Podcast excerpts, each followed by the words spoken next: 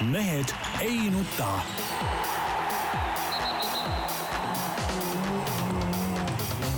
mehed ei nuta. selle eest, et mehed ei nutaks, kannab hoolt Unibet, mängijatelt mängijatele. tere teisipäeva, Mehed ei nuta traditsiooniliselt eetris, Delfi suurepärases stuudios. Tarmo Paju Delfist. tervist! Täna on kõrvaklapid pähe pannud, näeb välja nagu Tšiburaška, kenasti. Tšiburaška on legendaarne. ja kuuled seal mussi või? jah. siis kui Peep hakkab rääkima, siis mul hakkab muusika kõrva tulema hoopis. intelligentne jutt ei olegi tema kõrvade jaoks mõeldud. nii, Peep Pahv. mul täna, täna lihtsalt äh, värskelt hommikuselt koosolekult tulnud on nagu Peebu limiit on täis lihtsalt nii, Peep Pahv Delfist ja Eesti Päevalehest ja mis sa seal koosolekul tegid jälle möllu või? ei, ma ei teinud möllu, ma rääkisin nii, nagu asjad on, elust enesest. lasin tõde jälle niipidi paista. ahah, ja kõik olid sinuga nõus ja, ja aplodeerisid, kestvat kiiduavaldust. kestvat kiiduavaldust püsti seistes. jah, ja Jaan Martin. hurraa, veel, korrata. Jaan Martinson Eesti Päevalehest, Delfist ja, ja igalt poolt mujalt ka. nii, poliitikast on midagi rääkida või? Oh, õnneks mitte vist väga. no loodame, et äh, nii hoida. et sotsid kaotavad valimised, valimised ei saa midagi ja no sinna on Peep aega veel siiski. siiski natuke aega veel, jah. aa, muide ei no tegelikult ma ütlen, ma just varem ütlesin ka, et, et valimistel, et see tegelikult ei olegi, see parteid ei ole tähtsad, selle põhjal ei saa parteide eelistusi teha kohalike valimiste põhjal.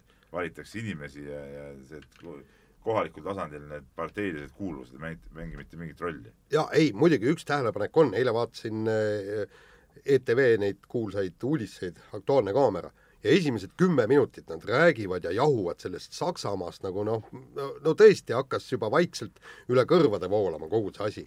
no progressiivne euronoor Tarmo, ütle, kas tõesti meil läheb midagi meeletult korda, et, et et, et kes see seal Saksamaal võimul on või mis seal teeb, kas, kas selle peale on vaja kümme minutit saatest ära raisata, kohe? ei, ma vastan no, ei ma vastan Tarmo eest kõigepealt, siis Tarmo saab pärast mind vastata.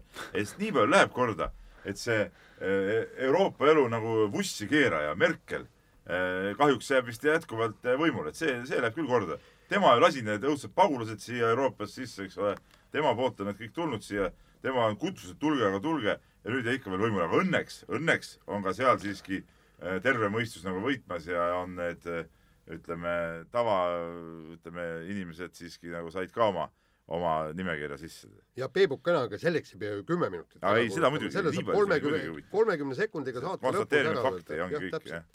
noh, mina ei tea, Euroopa tähtsam riik ilmselt mõjutab kõige rohkem, mis Euroopas toimub, nagu Peep ütleb, olgu vaatad, vaatad sa, vaatad sa seda nüüd vussi keeramise nurga alt või mingi muu nurga alt oluline ikkagi on globaalselt no, no Tarmo on jälle samas mees, kes, kes ütleme, nõukogude ajal oleks vaadanud ka äh, partei keskkomitee pleenumit nagu suure huviga, et, et, et ikkagi noh et kõige, kõige tähtsam seal Moskvas sina, kes sa, sina, kes sa nüüd pleenumi aega nagu eriti heldinult äh, meenutad taga, tuled nüüd äh, selliste väidetega ei no aga no tuleb nii välja. ma olen, sa oled esimene mees, kes neid pleenumeid vaatas, ma sain aru. mina olen ikka Eesti mees aga mis sa nii heldimusega seda kõike tagasi vaatad ei, siis? ma lihtsalt räägin, kus asjad olid tol ajal see on ikka eriti vastuoluline jutt, Peep. kusjuures mul, mul ikkagi noh, ütleme, ma ei tea, kas läks õnneks või läks kehvasti, sõjaväe, sõjaväes olles oligi meil äh, üks NLKP mis asi seal oli, see kõik, kõik kong, kongress, jah.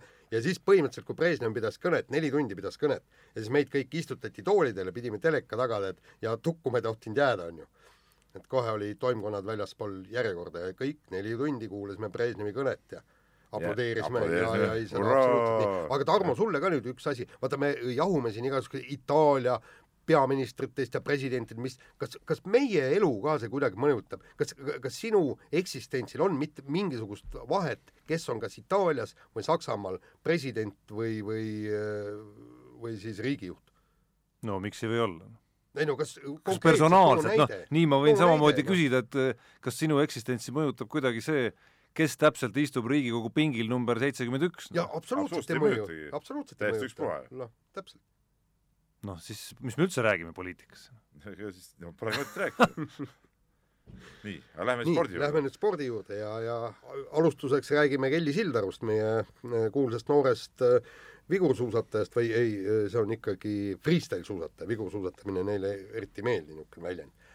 et põhimõtteliselt põlv on siiamaani haige, midagi ette pole võetud, lõikust ei ole, oodatakse, mõeldakse, et, et kuidas siin kõige paremini käituda ja, ja ütleme niimoodi, et, et asi on üsna sogaseks läinud, et, et kahjuks vist kõigest rääkida siin saates ei saa, aga aga olukord on ikkagi niimoodi, et, et tänase seisuga veel ei teata, kas tehakse lõikus või siis loodetakse, et see põlv niisama paraneb ja ja, ja tekib ka mingisugune lootus osaleda ka olümpiamängudel. no saade meil natuke halval ajal, et, et tegelikult täna nagu niisugusel kellaajal, teisipäeval kell üksteist null kuus, Tarmo, on kell, eks ole, sa siin vaidlesid minuga kelladega ennem, et äh, ei noh, ei olegi nagu midagi õieti kellist rääkida tegelikult, sest et äh, tõenäoliselt äh, mingid uudised tulevad võib-olla täna võib-olla veel nädala jooksul, eks ole, noh, midagi me siin oleme kuluaaridest ka võib-olla kuulnud, millest tõesti, nagu Jaan ütles, me ei saagi nagu rääkida kõiki asju võib-olla, aga aga, aga mis, mis on nagu jama nagu selle asja juures minu arust, on see, et et kuidagi nagu see asi on jah lastud nagu natuke nagu käest ära või, või, või liiga niisuguseks sogaseks, et, et et nagu kõrvalt vaadates jääb mulje, et nagu paaniliselt ikkagi üritatakse leida, otsida mingisugust imet äh, imet, mis siis nagu aitaks Kelly sinna olümpiale, aga no ütleme, tervis, meditsiin ja sellised asjad, et siin nagu mingid imed nagu eriti noh, ei, ei, imesid ei juhtu, eks ole, et, et on konkreetsed äh, ravid ja, ja mis tuleb siis ära teha, et, et noh, meil täna ilmus väga äh, hea artikkel Madise Sulest, äh, mis tõi need äh, välismaa lehtede, no ise siin kõik otsisime ja lugesime neid, eks ole, välismaa lehtedes ilmuvad asjad välja, kus nagu ei soovitata noorele lapsele seda äh, operatsiooni teha, noh, no ärme siis tee, et, et võtame nüüd rahulikult, et viieteistaastane olümpiad alles ootavad ees, uued olümpiad, eks ole, et, et las ta nüüd ravib ära ja ei ole mõtet seda tervist nagu rikkuma hakata. tegelikult noh. mind ka kõige rohkem hämmastab see, et miks see asi nüüd niimoodi venima on jäänud, see, see teadaanne ja otsus, et, et selle olümpiaga ikkagi on kõik, et noh, siin viis kuud on jäänud ümmarguselt, vist vähem isegi praegu, on jäänud olümpiamängudeni, et, et noh, me ei ole küll keegi siin meditsiinispetsialist loomulikult ja, ja rääkimata sellest, et meditsiinispetsialistid ise ka ei oska veel täpselt midagi öelda, olemata seda põlve, ma ei tea, seestpoolt näinud või mida iganes täpselt on vaja vaadata selleks, aga aga selles vanuses Kelly Sildaru puhul mulle tundub, et, et minna olümpiale pärast seda vigastust või, või üldse tulla võistlema pärast seda vigastust ja hakata tegelema selle alaga uuesti, peaks olema nagu, nagu sada protsenti või sada üks protsenti ta täiesti terve, et mitte oma noh, tõenäoliselt või eeldatavalt üsna pikka karjääri mitte ohtu panna. et kui vähegi jääb mingisugune protsendipügal sellest sajast või saja ühest puudu, siis minu arust nad ei peaks mõtlema isegi olümpial võistlemisele. aga mis, mis nagu segab neid, mulle endale nagu tundub, et kas neid nõuandjaid nagu liiga palju ei ole seal kogu selle asja juures, et, et eh, ühed, teised, kolmandad äh,, igaüks nagu proovib kuidagi nagu seda äh, nii-öelda tekki nagu enda peale tõmmata, et, et näidata ennast võib-olla ka suure asjalise ja suure abilisena seal, et noh, tegelikult peaks olema ainult, ma ei tea, üks-kaks arsti, kelli vanemad, ongi kõik, et, et seal mingeid muid äh, inimesi ja tegureid ei tohiks sinna vahele üldse lasta, ei alaliitusid, alaliidu inimesi, ei, ei mitte kedagi, et, et see puhas nende enda asi, treener, isa treener, eks ole, laps, noh, no laps ei oska ise midagi ilmselt selles vanuses ütelda ega otsustada, et see on nagu ikkagi isa, ema ja arstide otsus ja ongi kõik, et, et kõik muud lülid ja, ja, ja kõrvalmõjutajad tegelikult peaks sellest asjast eemale hoidma.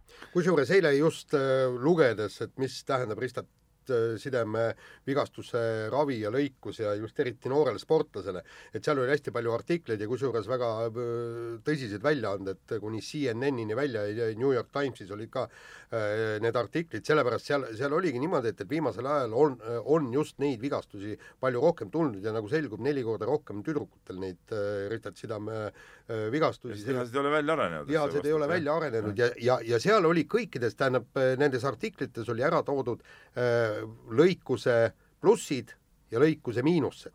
ja praktiliselt kõik need artiklid lõppesid väga selge tõdemusega. laps ja lapsevanem peavad öö, võt-, tegema endale selgeks, mida tähendab üks ja mida te, tegema teine ja siis nemad peavad vastu võtma otsuse. Et seal ongi niimoodi, et, et, et nemad on ainsad vastutajad. Et, et, et nemad peavad endale täpselt selgeks tegema. Ja seal oli tõesti väga põhjalikud artiklid, et, et kuidas ja mida, et kui su lapsel juhtub niisugune asi ja see, seal oli, seda tasub lugeda, kellel huvi on. ja noh, just olukorras, kus, kus me näeme ja asjatundjad ütlevad, et lapse puhul on see nii, nii noore inimese puhul on see vigastus veel keerulisem kui ütleme, võib-olla täismehe puhul, siis ma ei tea, mulle jälle täismeeste hulgast no ma arvan, paljudele korvpallisõpradele, kes üheksakümnendatel korvpalli jälgisid, Äh, on väga eredalt meeles, eriti neil, kes saalis võib-olla sel hetkel olid, kuidas ja Gerd Keskküla nimelisest mehest, kes aastal üheksakümmend viis äh, oli Eesti, ütleme, noortekoondises, kus kohal oli ka Martin Müürsepp, oli Tall-, Tallinnas toimunud Euroopa meistrivõistlustel tegelikult parim mees selles koondises. aga keda seejärel tabas seesama ristatside vigastus, kes äh, ka ütleme, minu mälu mööda natukene nagu kõrvalise surve abil toodi väljakule tagasi liiga vara ja põhimõtteliselt kohe tuli seesama vigastus uuesti ja tegelikult Gerd Keskkülast ei saanud kunagi sellist korvpallurit nagu temast, ma arvan, veel pärast seda esimest vigastust ja saada. seda välja korralikult ravides oleks võinud saada tegelikult. me ei, me ei saagi kunagi teada. nii, aga meie vahetame teemat ja räägime natukene sõudmisest ka, Eesti neljapaat natukene siis äh, uuenenud koosseisus on äh, heitlemas MM-il põrgukuumuses ja vähemalt esimene takistus on läbitud, poolfinaali koht on olemas, nüüd siis kas neljapäev oli meil see Neljapäeval, maagiline päev, kus selgub, kas aasta peaeesmärk ehk finaali pääs saab teoks või mitte no,? Jälle... raske öelda midagi selle eelsõidu kohta. just täpselt, noh. sama sõiduga nad finaali ilmselt ei saa nojah, vot ei oska, ei oska nüüd öelda, tähendab punkt üks, noh, ise nagu sõitu ei näinud ja kõik on, kõik on ka jälle puhtad spekulatsioonid, sellepärast et et selge see, et, et eelsõitudes kõike pane enda, endal viim-, viimset välja ja need sõiduajad ka ei maksa midagi, need on mitmed eelsõidud, et, et äh, lihtsalt äh, tuleb, tuleb loota ja vaadata, et, et alligaatorid poissi ära ei sööks ja no küll panid jalad üle paadi ääre välja seal aga, aga jäid jalad otsa, nagu ma aru sain. ja, ja siis treener paramängudele ei pea minema. jah, Mati Killing just ütles, et noh, kui ampsavad ära need jalad, noh siis hakkame kohe paraolümpiaks valmistuma ja no vähemalt äh, vaadates seda olekut siin, ma ei tea, treeneri kommentaare või Kaspar Taimsoo kommentaare, siis noh, olek tundub vähemalt selline üsna nagu mitte ainult positiivne, vaid ka selline pingevaba, et, et tundub, et nagu väga mures nad ei ole seal. et, et see eesmärk finaali jõuda, võib-olla üks-kaks paatkonda välja arvata, ülejäänutega nad tunnevad, et nad suudavad sõita võidu küll. noh, ütleme niimoodi, et, et lõppkokkuvõttes, ega no mis seal äh, Taimsool ja, ja Hendriksonil muret on, kõik sõltub kõige nõrgemast lülist ja, ja kui, kui tugev see viima-, kõige nõrgem lüli on, et see paneb asjad paika, eks.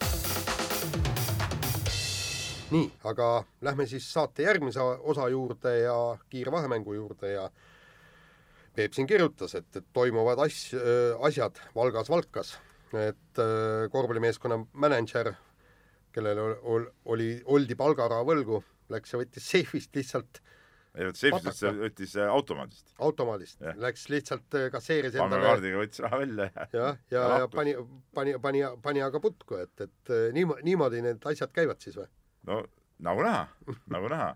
Et, et jah, olukord oli nagu kummaline, ma saan aru, et et oli lubatud, et palk hakkab saama septembrist, noh, suvise tööajast ka, et siis kui kui raha tuleb, aga raha tuli, siis mees, kuna tal oli ka klubi äh, pangakaart olemas, võttis raha välja, võttis natuke rohkem, kui oli, pidi saama nii-öelda nii, mingite kulu, nii-öelda kulude katteks veel summa ja, ja no ise ta väitis küll Läti meedias, et ta võttis ainult selle summa, mis ette oli nähtud. no nojah. aga noh, mänedžerile võlgu jääda tundub, ei ole nagu väga mõistlik ikkagi, tema saab ikkagi, kui pangakaart on olemas, saab ja. kätte. aga noh, eks see, see Valga klubi ümber ikka käib mingi niisugune omaette triangel ka kogu aeg ikkagi, et on niisugune äh, aetakse seda asja ja noh, tegelikult on noh, tegelikult on nagu lahe, et seda klubi seal on ja, ja seda igatepidi tuleb toetada ja, ja pooldada noh, nii-öelda geograafilises mõttes. aga natuke see asjaajamine on seal noh, nad on ikkagi tegutsenud nüüd kümmekond aastat äh, vähemalt nagu sellel tasemel juba. aga niisugust nagu, kuidas ma ütlen, nagu klubi struktuurilist äh, mingit niisugust ülesehitust, et nagu, et asjad oleks paigas, mingid noored värgid ei ole, noh nüüd loetakse Läti poole peal hirmsasti noh, see mänedžer oli ka lätlane ja, ja ütleme, see klubi juhtimine nagu mõnes mõttes nagu antigi nagu lätlaste kätte, peatreener lätlasest, kes sai ise komplekteerida meeskonda nii, nagu ta tahtis ja nii edasi. et noh, eks ta on niisugune, niisugune mitme otsaga asi, aga noh. no sellest äh, mänedžeri enda vastukommentaarist ma lugesin veel mingit sellist lauset umbes, et äh, et Valka pool on justkui mingeid makseid teinud veel tema arvel, aga Valga pool siis ei ole, et mis tähendab, et see, see nagu asjaajamine seal näib veel mingi eriti keeruline.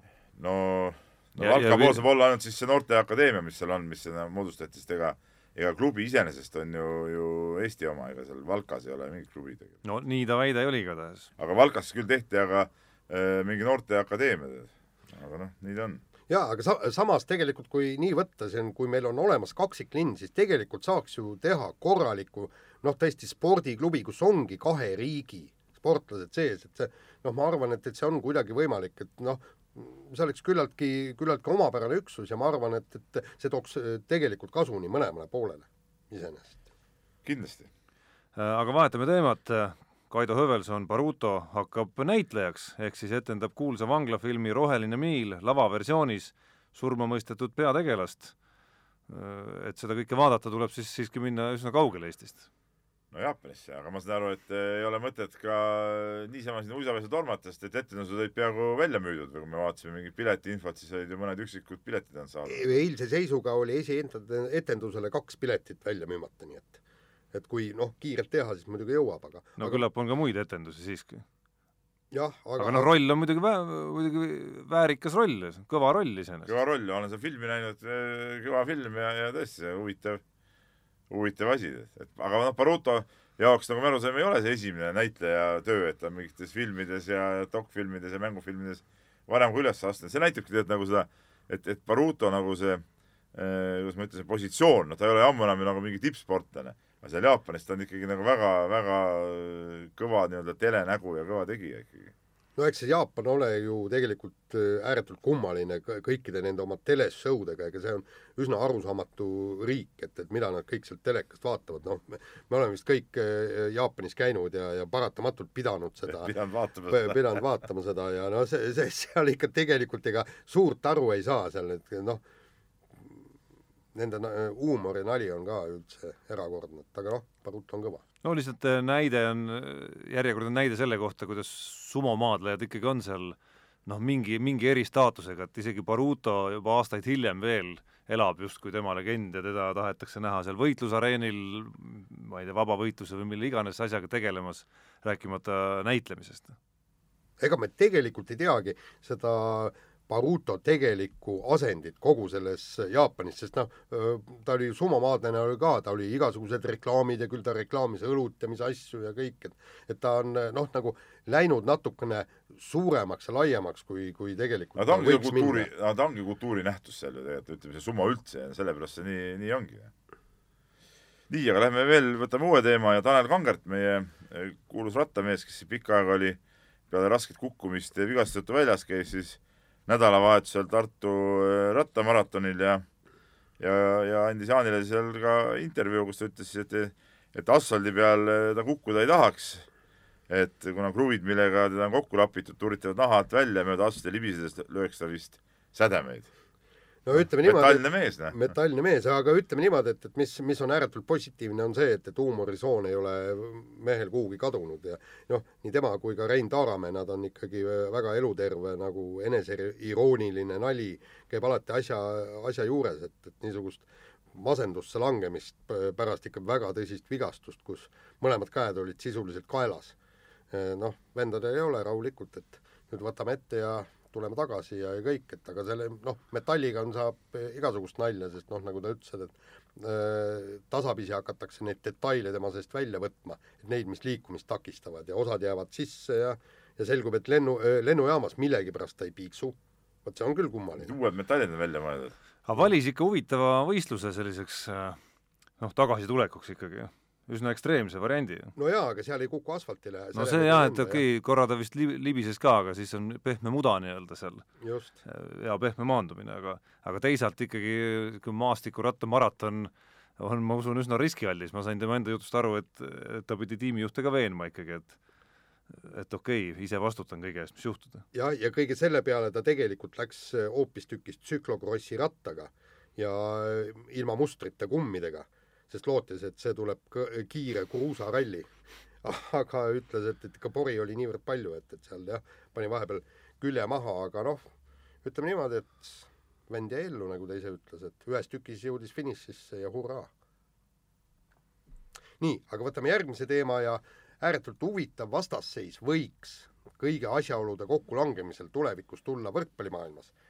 Äh, kui Georgi Gretu, kes on Eesti võrkpallikoondise peatreener. ta ei ole praegu Eesti võrkpallikoondise no veel ei ole, aga ma arvan, et ta siiski jätkab, läheb siis kokku Läti meeskonnaga, mida juhendab endine Eesti koondise peatreener Aavo Keel. sest äh, Aavo Keel on üks kolmest kandidaadist Läti koondise etteotsa. see oleks väga vahva, no kõigepealt väga vahva oleks see, kui, kui mõni Eesti treener saaks äh, võõra riigi äh, klubi äh, treeneriks. klubi, vaid, vaid koondise treeneriks. no just peatreeneriks. Et, et äh, see oleks, äh, see oleks väga, väga vägev asi juba iseenesest. ja Vassiljev on ka ju kandidaat. jah, et seal nagu võimalus, võimalusi nagu on ja, ja, ja Keele ja, ja Kretsu vastasseisu tahaks näha küll, teine asi on see, kas, kas Kretsu üldse tuleb Eesti koondise peatreeneriks, sest et nüüd ta ju läks ju Belgorodi äh, klubisse nii-öelda vanemtreeneriks, kus ta siis on nii-öelda nagu, kuidas me ütleme, nagu treeningute nagu läbiviija. treeningute läbiviija, aga mängude ajal siis ikkagi seltsimees Šipulin kes on siis äh, klubi president ja omanik ja, ja, ja, ja jumal seal põhimõtteliselt on siis ise, kes mängu juhib, et, et, et, et niisuguse rolli ka, huvitav, kuidas ta üldse peab ikka stiimuleid olema, et no, no, selliseid vastu võtta. päris kõva, sest seal on, seal on selles rollis käinud ikkagi väga, väga kõvad treenerid, noh, klubi on ju iseenesest nagu võimas, tulemused on väga head ja, ja just need nii-öelda need niisugused varjatud äh, treenerid, nagu nüüd Kretsu sinna rolli läks, need on selle ju teinud, eks ole, eks nad ütlevad mängu ajal ka, Šipuline seal võib-olla mingeid soovitusi ette, mida nüüd teha, aga no ütleme, peatreener on siis ikkagi teine mees. aga, aga ikkagi ma tuleksin selle konflikti juurde tagasi, eks, et, et kui tõesti tuleb, tuleb tõesti otsustav mäng, otsustav mäng finaalturniirile nagu pääsu eest. finaalturniirile pääsu eest on ju olnud niisugune, nii, nii.. ja, ja tõesti noh, ütleme niimoodi, et, et Aavo keele nahas kindlasti tahaks olla. miks?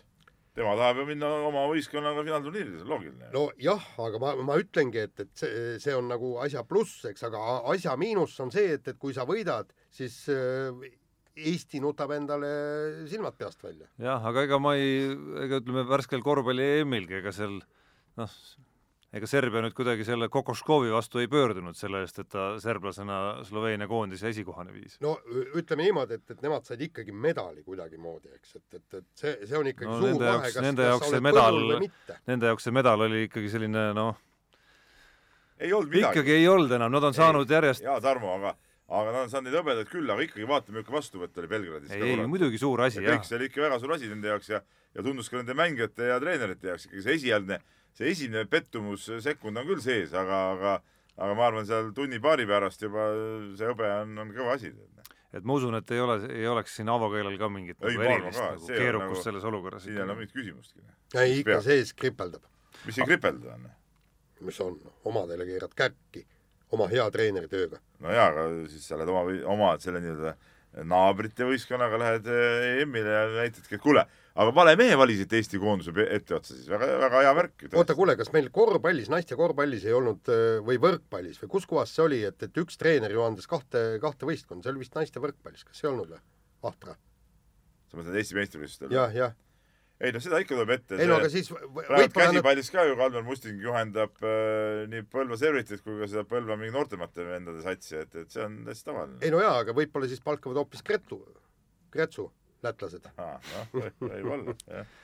aga kiire vahemängu lõpetuseks äh, sama teema, mis nädal tagasi, ehk siis Pariisi Saint-Germaini jalgpalliklubis olukord läheb aina jaburamaks, kui eelmisel nädalal saime rääkida, kuidas Edinson, Cavani ja Neimar kaklesid selle pärast, kes lööb karistuslööke ja pe-, penalteid, siis see möll on nüüd edasi läinud ja jõudnud sinnamaani, kus klubi on väidetavalt pakkunud siis Cavanile miljonit eurot, et see siis loovutaks penalti löömise õiguse Neimarile kes omakorda on jõudnud juba Cavanile öelda, et ega, et kui sa nii hästi nagu Messi ei mängi, ega siis müüme su maha hoopis.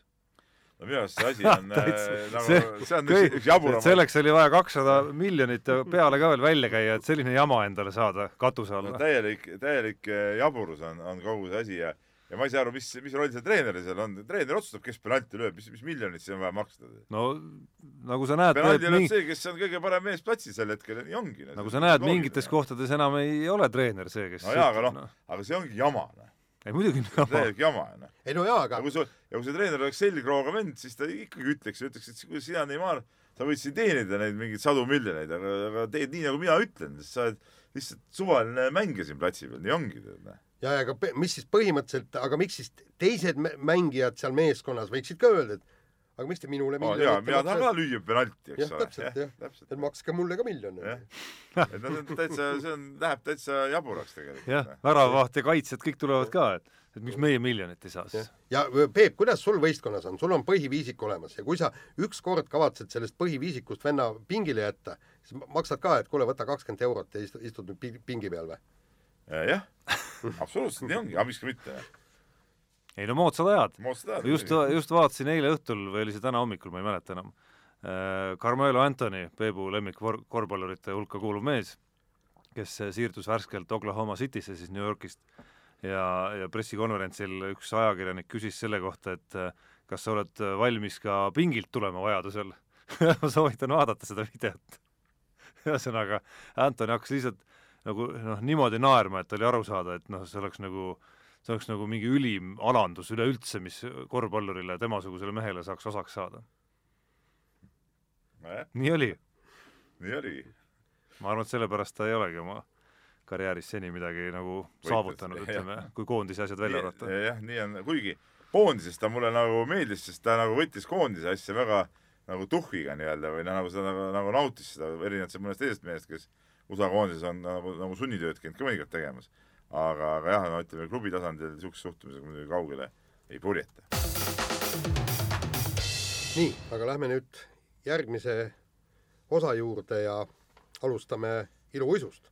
oota, siiski võtaks mõned kirjad ah, kõigepealt. okei, okei, õige. Jaan ruttab teemadest ette, aga siin on, on tulnud kirjad ja kuna mul endal arvuti hakkas äh, ebasoovitaval hetkel restarti tegema, lasin Jaani kirjad välja printida, Jaan on muidugi printinud niimoodi, et kirja saatjate nimesid ta ei ole muidugi siia juurde nagu pannud, aga noh, mis teha siis, noh, see on, kui sa, kui sa, Tarmo, oleks näinud seda, kuidas Jaan, kui hädas Jaan oli kõigepealt sellega, kuidas kopida teksti Facebookist Wordi dokumenti, siis juba see oli nagu omaette vaatepilt. nii, aga lähme kirjade juurde ja aga ta on niisugune mees, minu arust ta, ta teinekord teeb ju meelega neid asju, ma mäletan vanast ajast juba, juba Õhtulehe aegadest, kus ta nagu mingite tehnilistes küsimustes ta nagu meelega ütleme, isegi kui ta oskas, siis ta ütles, et ta ei oska seda, eh, kui ta ei osanud, siis ta ei teinud ka ühtegi katset asju selgeks õppida, sest noh, siis, siis, siis, siis ei saa talle seda kohustust panna, öelda, et tee seda, siis saab kogu aeg öelda, et kuule, keegi teine peab tegema, sest ma ei oska seda. oli nii? no põhimõtteliselt noh, kas just nii eks praegugi siin tööle on niisuguseid asju, mida tegelikult ta võiks nagu ise teha, aga ta ta ikkagi nagu sokutab ei no ei maksa õppida selgeks mingeid uusi oskusi, vaata. kusjuures ta oskab, noh, aga ta ikkagi nagu, et noh, noh, sa saad kiiremini ja mingi ei no aga saabki ju kiiremini, no aga saabki ju kiiremini, sa ise nägid, kui koba ma olin. no kui sa kümme korda teeksid või kakskümmend, siis võib-olla enam ei saaks. ei no ma olen teinud kakskümmend korda. no aga harjuta, lihtsalt harjuta. ei no ma olen ka sada teinud ja ma olengi täpselt nii kiireks jõudnud, nagu ma olin. ma mäletan ikka seda nagu susliklikkust üsna hästi. nii, aga võtame nüüd selle kirja ette ja, ja kiri on muidugi väga sihuke intrigeeriv, põhimõtteline ja, ja teemaks on siis ERR ja, ja küsimus järgmine, et kas ERR paneb sporditoimetuse kinni ja, ja kuna uueks uudiste, spordiuudiste juhiks kinnitati Anvar Samost, tema puhul on tegu patoloogilise põhimõttekindla spordivihkajaga. nii sapiseid kommentaare kui tema suust näiteks Seebi maratoni kohta iga-aastaselt laekub, pole ma kuskilt varem kuulnud. kui muidu üle, üleolev sporti ja sportlasesse on selle äh, mehe sõnavõttudes kindlalt kindlal kohal alati, noh no, ei ole see asi hull. ma mäletan ajast, kui Anvar Samost oli Postimeest juhtimas, ega siis mingisugust Postimehe mingit spordikatastroofi ei juhtunud. ei juhtunud, ma võin öelda, et, et Anvar on tegelikult äh, väga, väga okei mees ja, ja väga, väga tore, tore mees, sain enda arust, kui ta Postimehes töötas ja ma niisama seal töötasin, saime minu arust küll hästi läbi ja, ja spordile mingeid piiranguid sai küll ei pandud. jah, seda oma raadiosaates, seda, kuidas seda maratoni varasematel aastatel on kirjunud, seda ma olen, olen küll kuulnud, aga seda on siin isegi mõned eh, vaata spordiinimesed teinud, kes, kes võiks nagu sporti armastada, et miks see maraton ikka nii oli ja naa oli ja, ja siin asjad valesti ja nii edasi, et, et, et see, see oli niisugune üleüldine mingi massipsühhoos, aga muidu ma arvan, et, ma arvan, et tegelikult äh, see ERR-i noh, uudistevärk ja spordiuudiste värk võib sellest ainult paremaks minna, kui samas seal on. ega see, ega see ju, ega sellepärast ei juhtu veel see, et spordis kuidagi, ega Samost otse ei hakka nüüd sporditoimetust juhtima. ei, seda muidugi mitte, jah. et seal ikkagi on, on nagu nii-öelda vahelülid vahel. jah, nimetada, et aga kusjuures selle jooksumaratoni kohta mul on ka ikkagi noh, tähendab, ma eile rääkisin ühe sportlasega ka, kes ütles, et tema ei suuda selle maratoni hullusest tegelikult aru saada, see on noh, tegelikult nende hullustega on ju see probleem, eks, et, et kõik need suured sponsorid lähevad ju neid rahvaspordiüritusi toetama, tulles ära tippspordi juurest, mis on halb. ja teine asi on ju ka see, et, et et kuivõrd palju nüüd kõikidest nendest, kes siin jooksevad, tuhanded ja tuhanded inimesed seda, neid kümne kilomeetri jookse, poolmaraton, kõik, palju nad tegelikult sporti teevad no,. seda, seda on varem ka nagu täheldanud. ja, ja, ja, ja, ja nad tulevad, tulevadki selle asemel, et, et minna rahulikult metsas omas tempos joosta, tulevad siia asfaltile, lõhuvad oma jalgu, on ju, pärast on vigased ja kõik, et et see maratoni hullus on natukene ikkagi üle piiri läinud.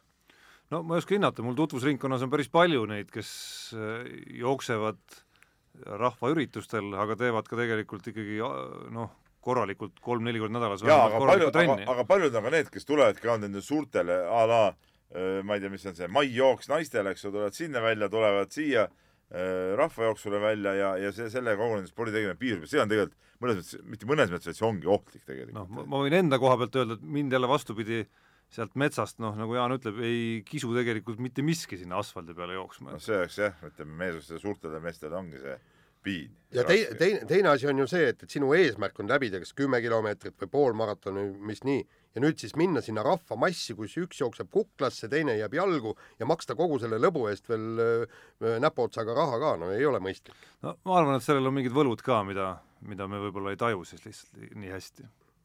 no äkki küll. nii, aga, aga ma teeks väikse ettepaneku siin võistlus on võistlus ikka. jah, ei, ei võistlus, võistlus. võistlus on võistlus. seda küll teha väikse muudatuse siin, kuna on kiri on tulnud selle, selle Jaani loo kohta, selle noore tüdruku kohta, et siin on lihtsalt üks huvitav äh, lõik on sees, et äkki me siis vahetame need teemad ära, et lähme lähme alguses selle tüdruku teemaga, et ma siit, siit kirjast, äh, kirjaga tuleks alguses sisse, et enne kui sa, enne nii. veel, kui sa tuled sisse, lihtsalt kuna me kirjadest liigume edasi, vahepeal saate ajal on tulnud meile ka üks ah,, üks tähelepanek lihtsalt Baruto teema Äh, Baruto teema jätkuks, et äh, ühel meie kuulajal, tema jaapanlasest tuttav on öelnud, et Baruto on seal praegu isegi veel populaarsem kui oma karjääri ajal. no võib arvata, jah. jah, ei no kui ta nii palju tõesti esinema kutsutakse, see on tõesti, see on hämmastav, noh. aga no vägev, Eesti mees.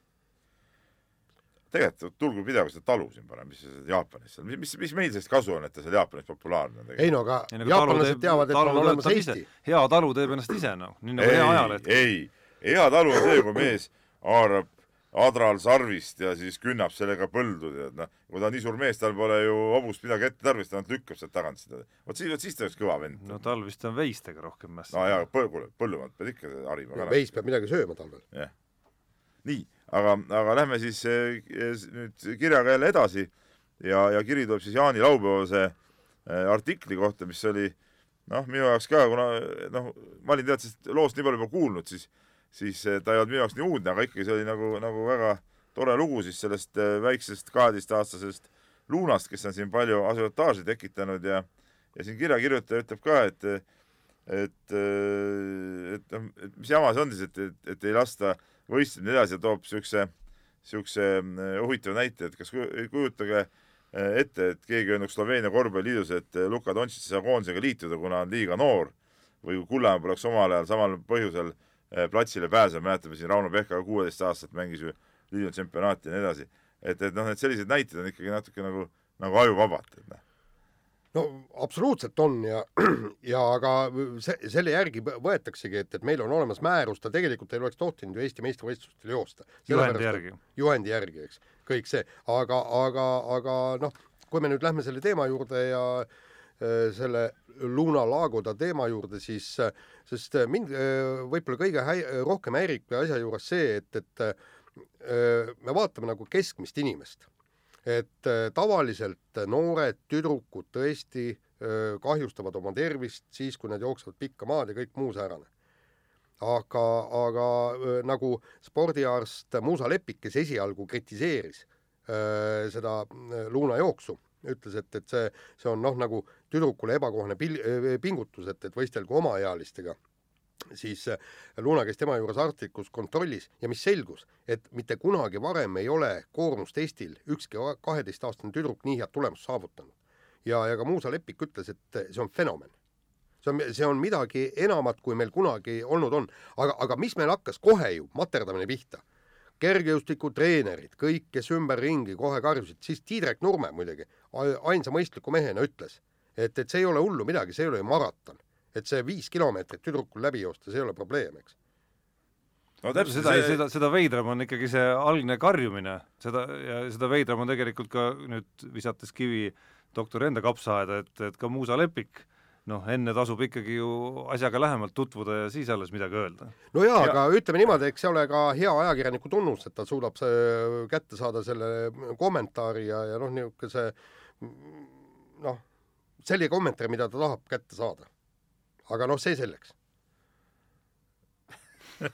ma jäin mõttesse nüüd selle Jaani jutu peale. ei, ei no mis see ajakirjanik siia puutub, et lõppkokkuvõttes räägime ikkagi nendest hinnangutest, mida, mida sellele Lunale ja tema Aga... võistlemisele anti sel no,, sel puhul ja, ja põhimõtteliselt ju loogika oli see, et äh, nii noor inimene ei tohikski üldse sellist maad nagu viis kilomeetrit üldse nagu läbida korraga. põhimõtteliselt see oli ju sõnum, seal ei ole vahet enam, kas ma teen trennis seda või võistlen. aga see on ka huvitav oli, mis, mis mulle jäi silma ka Jaani loost, et, et see treener ütles, et Luna võistleb siin eh, kaks-kolm korda nädalas, noh, mingid rahvajooksud, mingid asjad.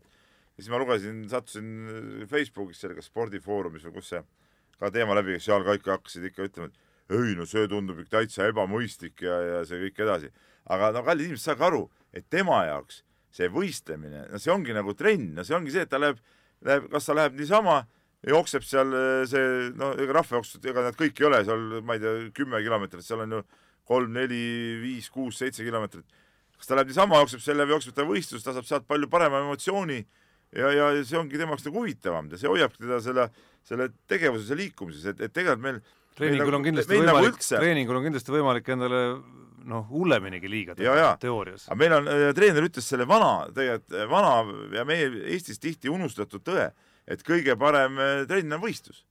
ja seda tihtipeale Eestis kiputakse ka unustama, räägitakse kogu aeg et et, et trenni nii, trenni naa, jah, loomulikult ütleme siin mingites pallimängudes individuaalne tehnika, mingid asjad ja kõik, aga parem ei ole see kunagi kui üks mäng, ütleme, paremat niisugust üldtrenni kui üks mäng või võistlus ei ole mitte kunagi. loomulikult tuleb individuaaltööd teha asjadega, aga, aga see võistlus on on ka lapsele kõige, kõige mõnusam ja kõige huvitavam asi, mis selle sporditegevuse juures on tegelikult. ja noh, ütleme niimoodi, et, et tegelikult seal noh, väga palju jäi sellest artiklist välja, aga seal, seal just öeldigi, et, et siin Eestis mikskipärast, ei öeldud, et eestlaste hulgas, aga Eestis valitseb millegipärast mentaliteet, et võistelda tuleb vähe no seda, seda ma just räägingi praegu. just ja. nii ja, ja, ja kui hakkasin sealt tagasi mõtlema, siis see on ka meil ju paljudel teistel aladel eh, juurde tulnud, ma mäletan kunagi aastaid tagasi, kui ma kirjutasin artikli, see võis olla pärast kahe tuhande, ma ei,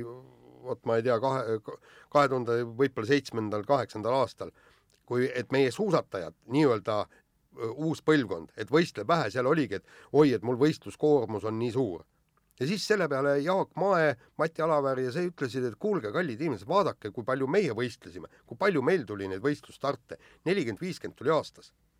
kusjuures nad tegid MK-hooaja ära ja põrutasid Soome sinna Lapinkulda äh, võistlustele veel, panid seal ka äh, täie tambiga.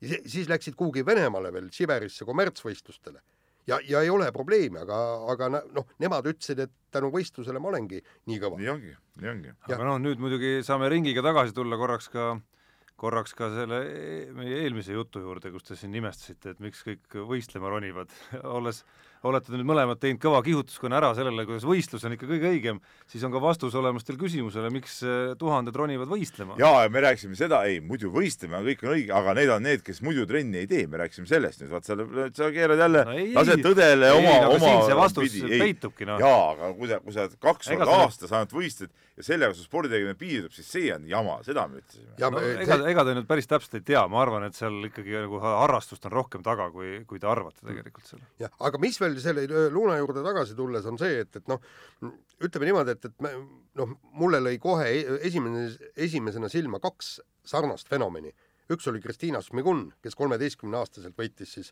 äh, esimese medali Eesti meistrivõistlustelt ja kümne kilomeetri sõidus, eks. viieteistkümnendat polnud juba MM-il või?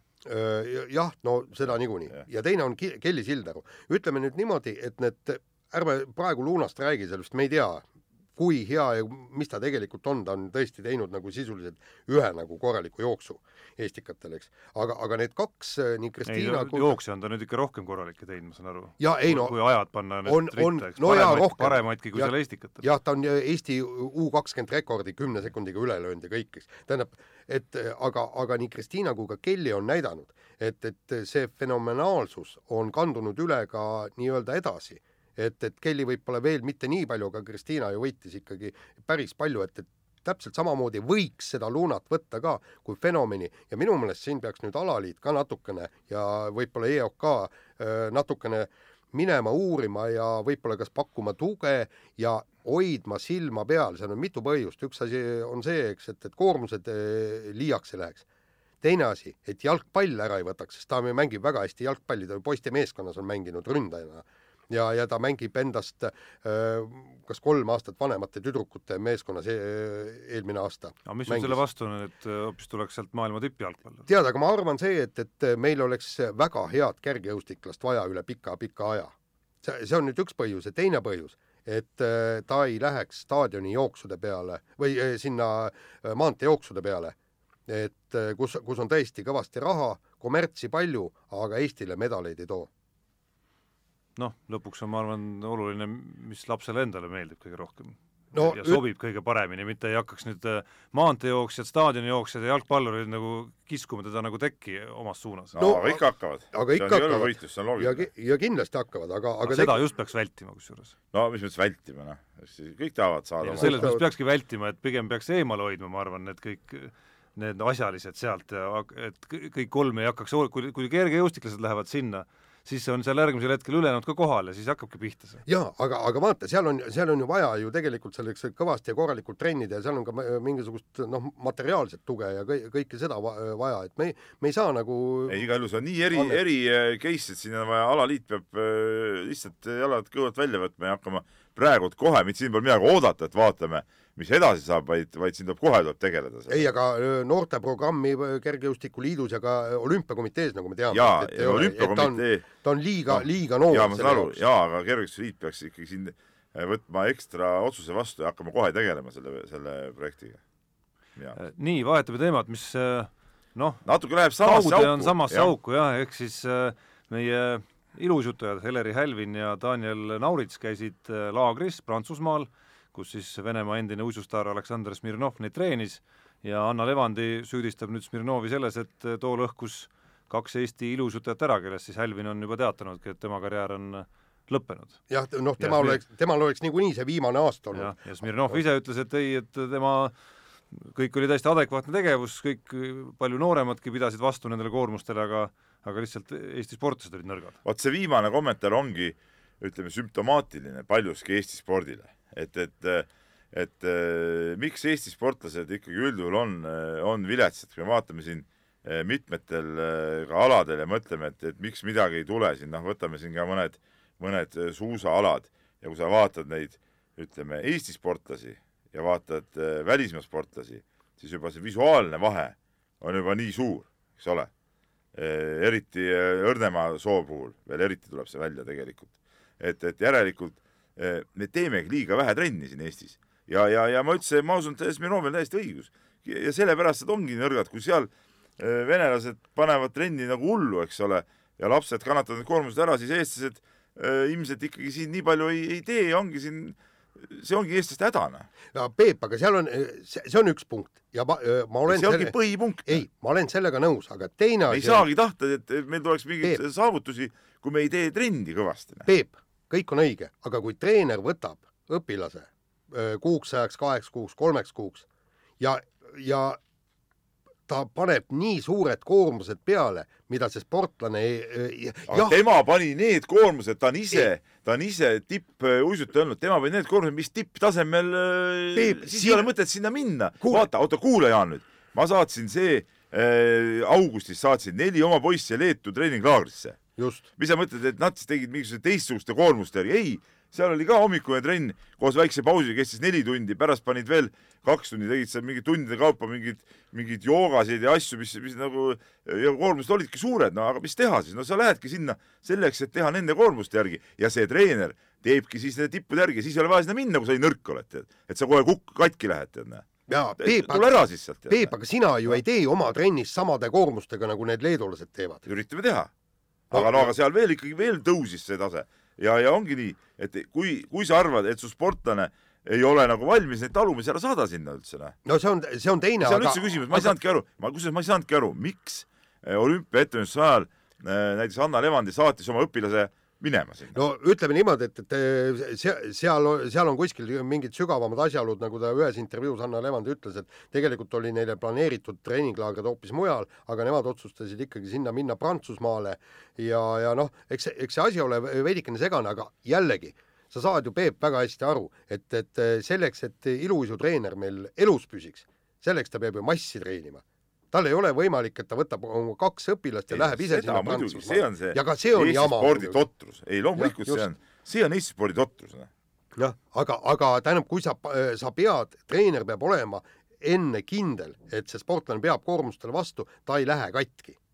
vot, vot see on ka noh. no jaa, aga mina saan aru, et, et niisugusesse kohta saadetakse ka need tipud, mismoodi kindel, mis ta siis teeb siis? küsib enne, et kas sa suudad täiskükki ära teha või ei suuda või? Peep, kuule, mis sa arvad, et, et Eesti, Eesti korvpallurid treenivad samasuguste, näiteks kangisaalis, samasuguste raskustega nagu kuskil Ameerika ei, parimad. ja see ongi Nii, viga, sa... ja see ongi viga, Jaan aga.... ja see on see meie Eesti kõik see värk, et oh, ärme tee nii palju, ärme hakka kangi siin tegema, ärme seda tee oma keharaskus siin, keharaskus seal, jaa, kõik toredad harjutused, aga miks siis Ameerikas mehed lähevad suureks, okei okay,, seal võib-olla mingid ained ja jutud, eks ole, see on teine asi, aga lähevad suureks, aga meie vennad on, vaata neid Audentese vendi nagu silguniisad ju tead, noh, mis on mingid spordimehed või ei ole ju. nii, aga no., aga, aga mis siis, mis siis nüüd on, et paneme neile kohe täna sellel samal hetkel samasuguse raskuse äh, rinnale, et nüüd suru sada kakskümmend kilo rinnalt või? ta läheb ju kohe katki. ja, ja lihtsalt vahe on selles, et äh eeltöö on tegemata, jah. ei pea seda tausta teadma ilmselt või ei teadnud või? ei teadnud, kindlasti ei teadnud. temale tuli Eesti meister, kes tahab minna olümpiale, kui sa tahad minna olümpiale, siis sa pead kannatama neid koormusi. kui ei kannata, oled katki, oledki mängust väljas ja ongi õige, mis siis polegi põhjust sinna olümpiale minna, kui sa ei kannata midagi, näe. õige, näe ja kusjuures muide, selles mõttes on igal juhul, Peebu jutt on õige, et ma, ma olen ka ei, ei, jah, ja ma, ma, ma olen tõesti ka igalt poolt ja, ja, ja erinevatelt aladelt, nii paremalt kui vasakult, tõesti seda kuule, kuulen seda juttu, et meie sportlased on füüsiliselt nõrgad. kõikide alade sportlased praktiliselt. nüüd nägite, kallid kuulajad-vaatajad, nägite elu suuruses seda, mismoodi on olemas alati äh, kuidas siis öeldakse, ka kaks arvamust, õige arvamus ja ülemuse arvamus. Ja, ja kõva duell peeti maha siin mees mehe vastu ja lõppes tulemusega ei, ei, sellega... Jaanilt, et äh, Peepul on õigus. jah, ei, selles suhtes on õigus, et tõesti, meil on, meie sportlased on füüsiliselt nõrgad, selles tal ei ole õigus, et äh, treener võib sportlase ära lõhkuda, ei või. ei, ei muidugi ei või, aga jaa, aga no me ei tea, siin, siin on raske jah. selles mõttes öelda seisukohta, et me ei tea ju seda tausta, mida Smirnov teadis, mis jutuga nad läksid sinna, mis no, eesmärgiga nad läksid helista Anna Levandile, küsi, millised on, sa, sa ju tegelikult, kui sulle tuleb õpilane, noh, ütleme niimoodi, et sa, sa ikkagi ju uurid seda tausta, teed endale selgeks, mida ta on teinud, millises ettevalmistustsüklis ja tsoonis ta on. no tead sa, et nad, et nad üldse ei suhelnud sel teemal, tead sa seda? ei no, no ja, see Smirnov ei võtnud sportlast adek-, adekvaatselt, seda enam, kui sul on olemas kõik need, kõik need paberid ja sa näed, et ta on füüsiliselt nõrk ja paned niisuguse treeningu peale noh, teisalt me näeme, et üle trenne juhtub ka ütleme, olukordades, kus kogu see info ja taust aastate jooksul ongi sul sinu oma õpilasega, juhtub samamoodi.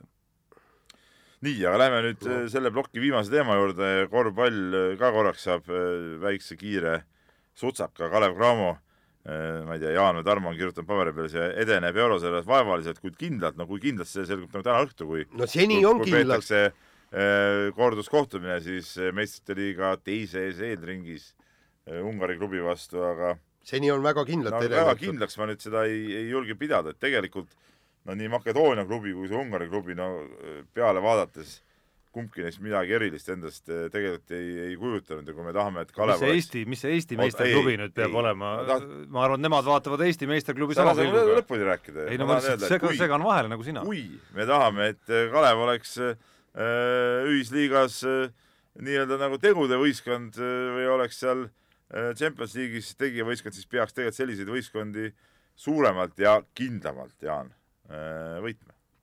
et noh, selge see, et selged puudujäägid Kalevil on olemas, noh, sama üks mängija, kellest on siin palju räägitud, kirjutatud, et on tarvis teravust mängu mäng on liiga aeglane, nüri ja, ja, ja see ongi, ongi natuke probleemiks. no viimases mängus tegelikult tuldi ju päris keerulisest seisust välja, et, et mingil hetkel ma vaatasin seda ülekannet, tähendab ülekannet vaatasin kogu aeg, aga vastased olid ju ka suvalised. noh. kas panid tähele, et ühel musta tagamängijal olid eh, nagu John Stocktonid russikud jalas.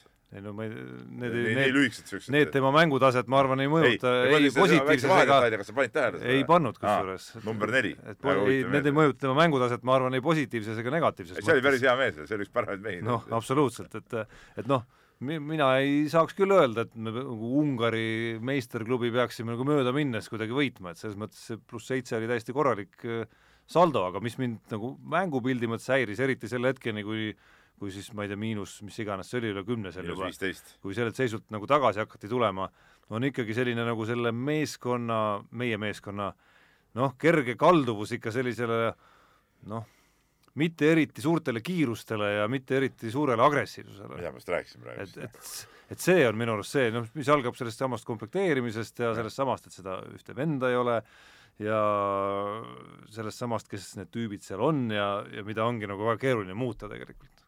see on keeruline muuta. et kui me, et kui me rääkisime siin EM-i puhul äh, ja, ja sai äh, kaasa kuidagi nii-öelda takka kiidetud Djordjevitši lausele, kuidas Sloveenia tõi siis NBA kiirused Euroopa meistrivõistlustele, siis siis vot seda nagu kiiruse asja ma tahaks nagu rohkem näha. võib-olla me olegi praegu adekvaatsed nii... hindama, vaata peale seda EM-i äh, nägemist, kus tõesti mängiti suurtel kiirustel korvpalli siis nagu see üleminek on nagu liiga järsk nagu siia sellele mängule, et see kõik tundubki veel ka nagu kuidagi nagu võimendatult aeglasemana.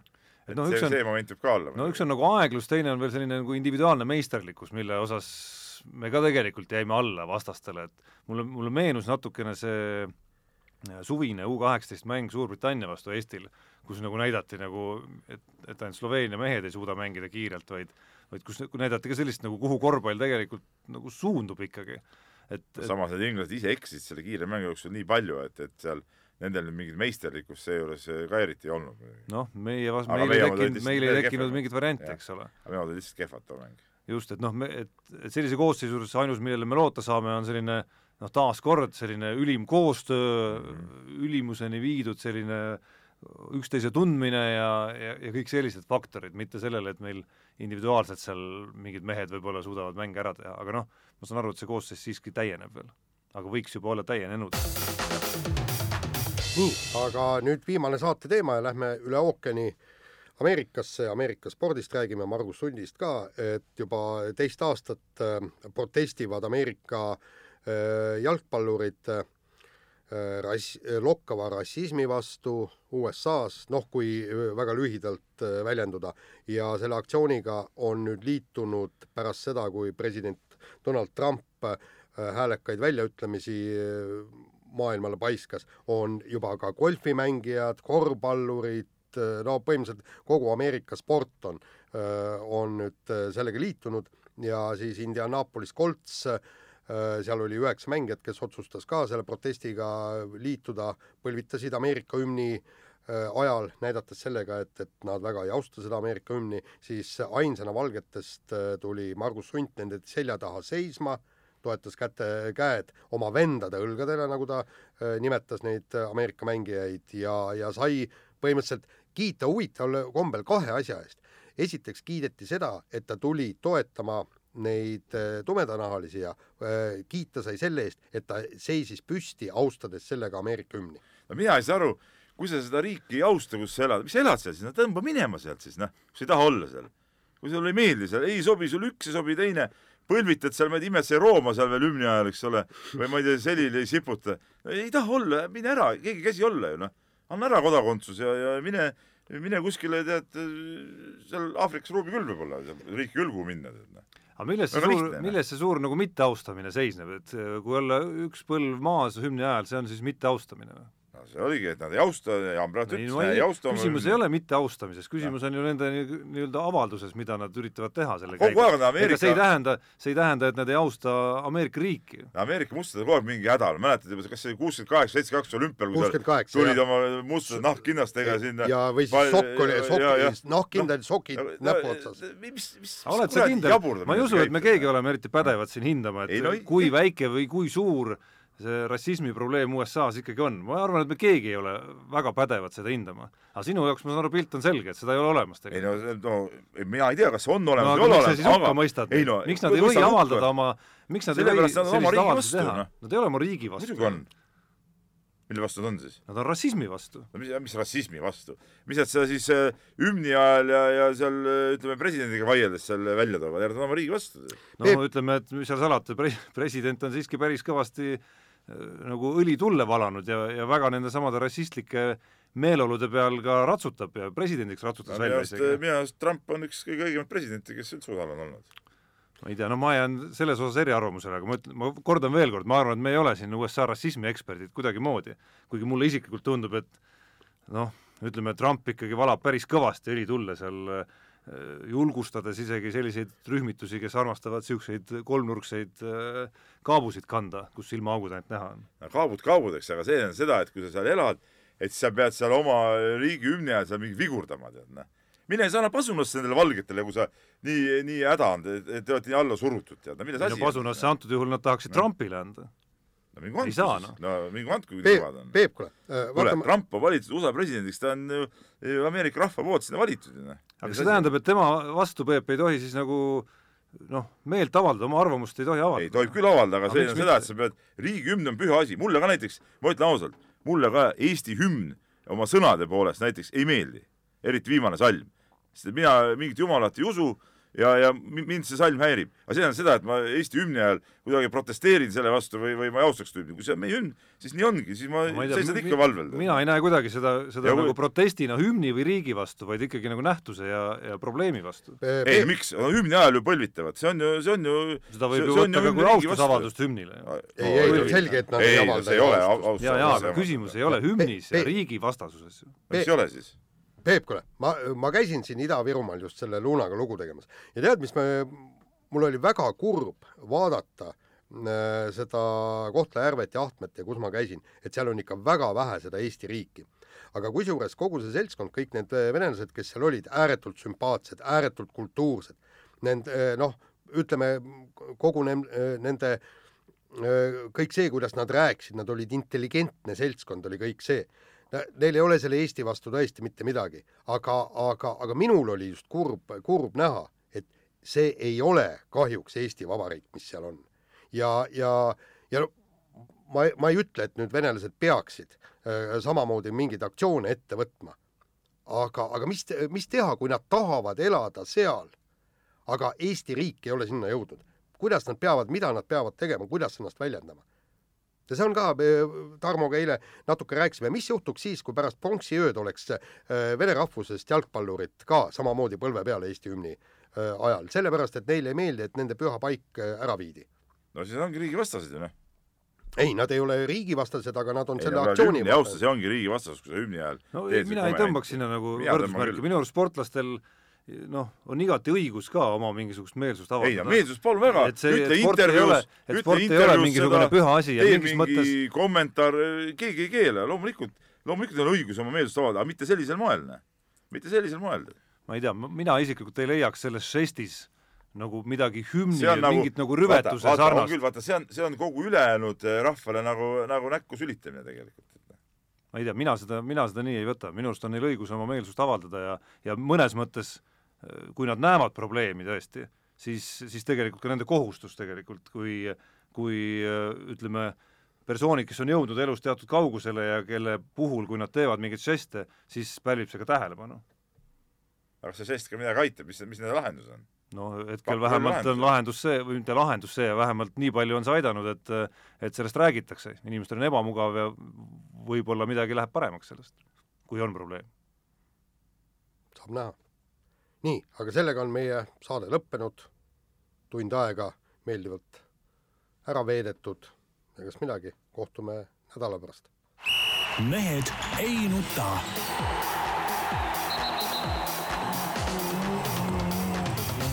mehed ei nuta